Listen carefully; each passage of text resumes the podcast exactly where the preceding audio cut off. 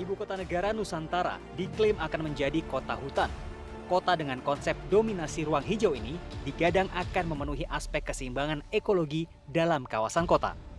Di dalamnya terdapat kawasan hutan lindung, hutan produksi, dan area peruntukan lain.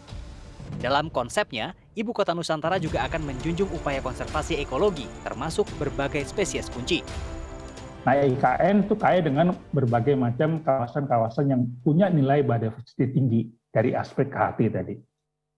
Jadi dalam konteks seperti ini itu ada berbagai macam spesies-spesies kunci tadi orang hutan juga ada ya nah, di daerah daerah Sungai Wen, kemudian juga di Sungai Manggar, kemudian juga ada di Beratus sekitarnya dan juga ada wilayah memang pelepas liaran tadi itu beberapa aspek tadi terkait orang hutan dan juga bekantan yang penting juga.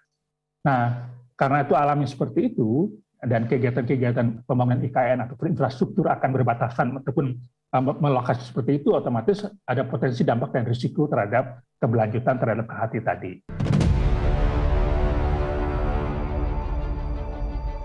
Namun sejak lokasi ibu kota baru ditetapkan dan pembangunannya dimulai, sejumlah masalah pun bermunculan.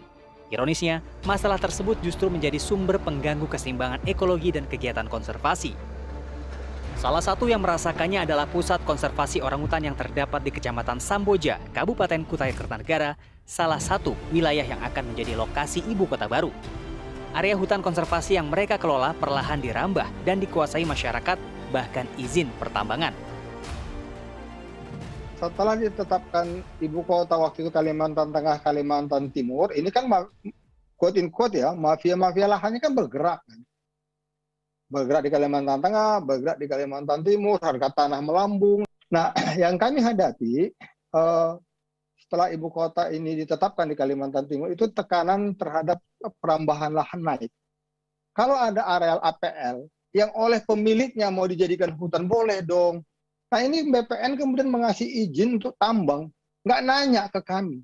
Jadi orang berpikir kita memprotes ini kita seolah-olah jadi kayak anti ibu kota pindah, bukan ya. BSF itu tidak melihat dan tidak anti ibu kota itu pindah. Tapi marilah tema kehutanan, tema hutan yang mau dibangun di ibu kota itu benar-benar di, diaplikasikan. Ini ada hampir 2000 hektar dibentuk menjadi hutan, pemerintah nggak perlu nanam. Sekarang ditebangin orang dengan seenak perutnya. Sejak 30 tahun lalu, area ini telah ditanami tanaman hutan sebagai media rehabilitasi orang hutan Kalimantan. Sayangnya, area konservasi orangutan seluas 2.000 hektar ini kini telah dirambah dan menyusut hingga 300 hektar. Jadi kalau kau lihat itu, inilah areal kita yang sudah kita laporkan ke Bapak yang hitam ini. Yang oke, okay, yang garis hitam ya, oke. Okay. Nah, ini, ini udah dirambah nih. Yang coklat ini? Ya. Ini nih, ini. Oke. Okay. Dan ini ini uh, areal ini semua masuk ke dalam uh, ring 3 dan 4 IKN ya, Bang? Iya. Itu untuk apa, Bang, yang 2 hektar itu, Bang? tambang. Tambang apa itu? Batu bara. Yang di sini ada tambang lagi, tapi ada di batas kita, nggak masuk ke tempat hmm. kita, main, mainnya di batas. Batu bara juga itu, Bang? Batu bara juga. Yang dua hektar itu sekarang aktif atau enggak tambangnya, Bang? Sudah, sudah mulai gali oh, mereka. Wow, oke. Okay. Ini ini dia, arealnya dia yang ditebang. Ini hmm. daerah kami yang ditanamin. Oh, oke. Okay. Mereka masih bisa nanamin. Hmm. Nah itu susahnya itu kan mereka sudah udah nebang ini nih. Dan dan ini nanti akan nebang, masuk nebang. ke areal IKN ya bang padahal ya? Iya IKN itu kan oh. ini. Ini kan IKN kan. Hmm.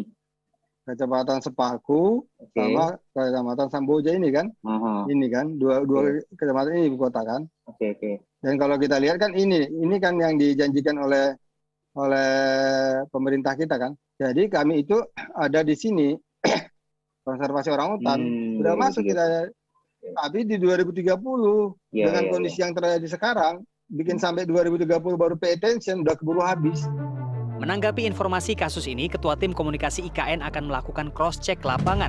Pihaknya menegaskan bahwa kegiatan konservasi mendapatkan perhatian khusus karena bersinergi dengan konsep kota hutan IKN.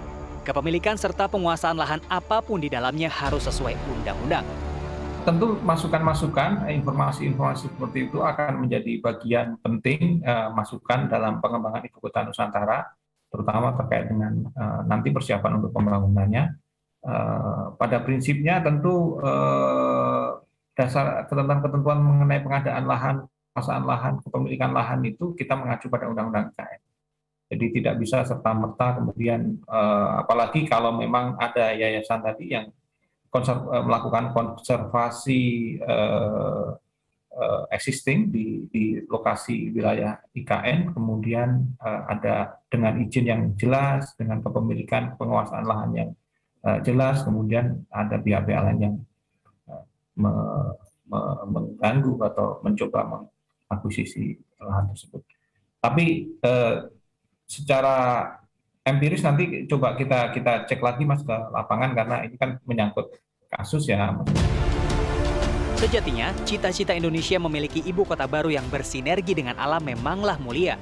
Namun, jika pembangunannya tidak diawasi dan prosesnya tidak dikelola dengan seksama, maka bukan mustahil cita-cita menjadi kota untuk dunia dapat seketika menjadi bencana. Yogi Tujulerto, Robin Kitt, Jakarta.